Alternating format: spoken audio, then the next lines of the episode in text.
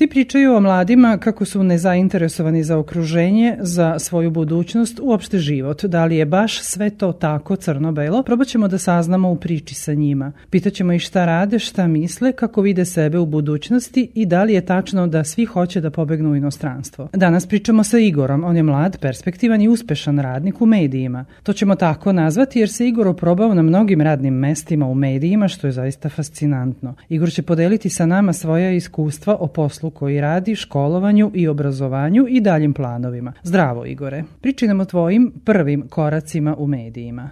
E pa eto, ja imam 33 godine i već se aktivno bavim pa nekih 15, 15 godina.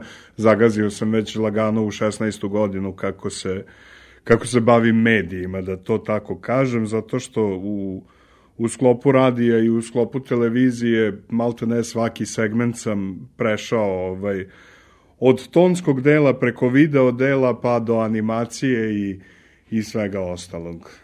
A, moji početci su vezani za a, to da sam želeo, pošto sam išao u elektrotehničku školu, ovaj, praksa u našoj školi nije bila nešto posebno istaknuta, nismo imali nekih mogućnosti da biramo šta ćemo i kako ćemo da radimo, pa sam ja eto izrazio želju ako bi mi oni dozvolili da odem na praksu u jednu radio stanicu i, ovaj, i tu je bio moment zaljubljivanja u tehniku, sve što se tiče jeli medija.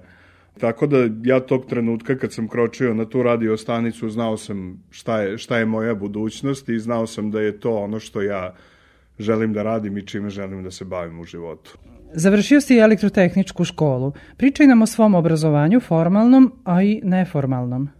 Pa, e, zaista, što se tiče e, obrazovanja, ono što je mene zapravo, što je zapravo prevagnulo u smislu toga da, da želim da se bavim ovim poslom, jeste prvenstveno novac naravno, ali ovaj isto tako bio sam izuzetno razočaran ovaj samim školovanjem pošto kroz srednju školu ja sam sa mnogo većim predznanjem krenuo u tu školu nego što sam izašao iz nje jer zaista učili smo stvari koje su u tehničkom smislu zastareli možda pre 20 godina pre momenta kada sam ja išao u tu školu, tako da mislio sam da fakultet apsolutno neće, neće imati nikakvih, nikakvih povratnih informacija u smislu toga da ću eto, ovaj, biti, biti bolje potkovan znanjem, a što se tiče svega, e, mnogi ljudi su mi pomogli, jer pokazuje se da ako želite da radite, da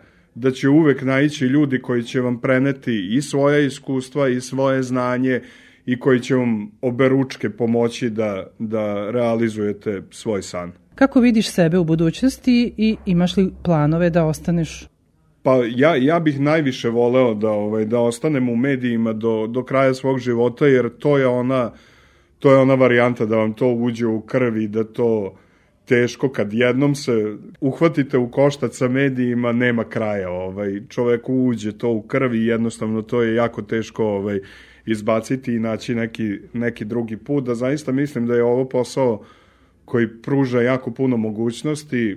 Samim tim ovaj voleo bih voleo bih da ostanem u medijima. Naravno to zavisi najviše od finansijskog momenta ali ovaj Čak i ako bih otišao u inostranstvo, mislim da bi se isto bavio ovim poslom, jer tu je kreativnost, tu su kvalitetni ljudi, tu je tu je sve ono što ja volim. Znači, razmišljaš i o odlasku u inostranstvo? E, svakako, svakako, pošto mislim da ova zemlja guši mlade i mislim da da je jako strašno da se u današnje vreme, eto ja lično, moram da radim dva posla da bih ovaj, da bih sebi obezbedio iole, iole pristojan život. Tako da ovaj, mislim da ova zemlja jako, jako guši mlade ljude i talentovane ljude i samim tim planovi za inostranstvo postoje, pitanje je kako će se oni realizovati, ali stremim ka tome da svakako ovaj, moju budućnost nastavim na nekom drugom kontinentu i na nekoj drugoj strani sveta. Hvala Igore, bilo je zadovoljstvo razgovarati sa tobom.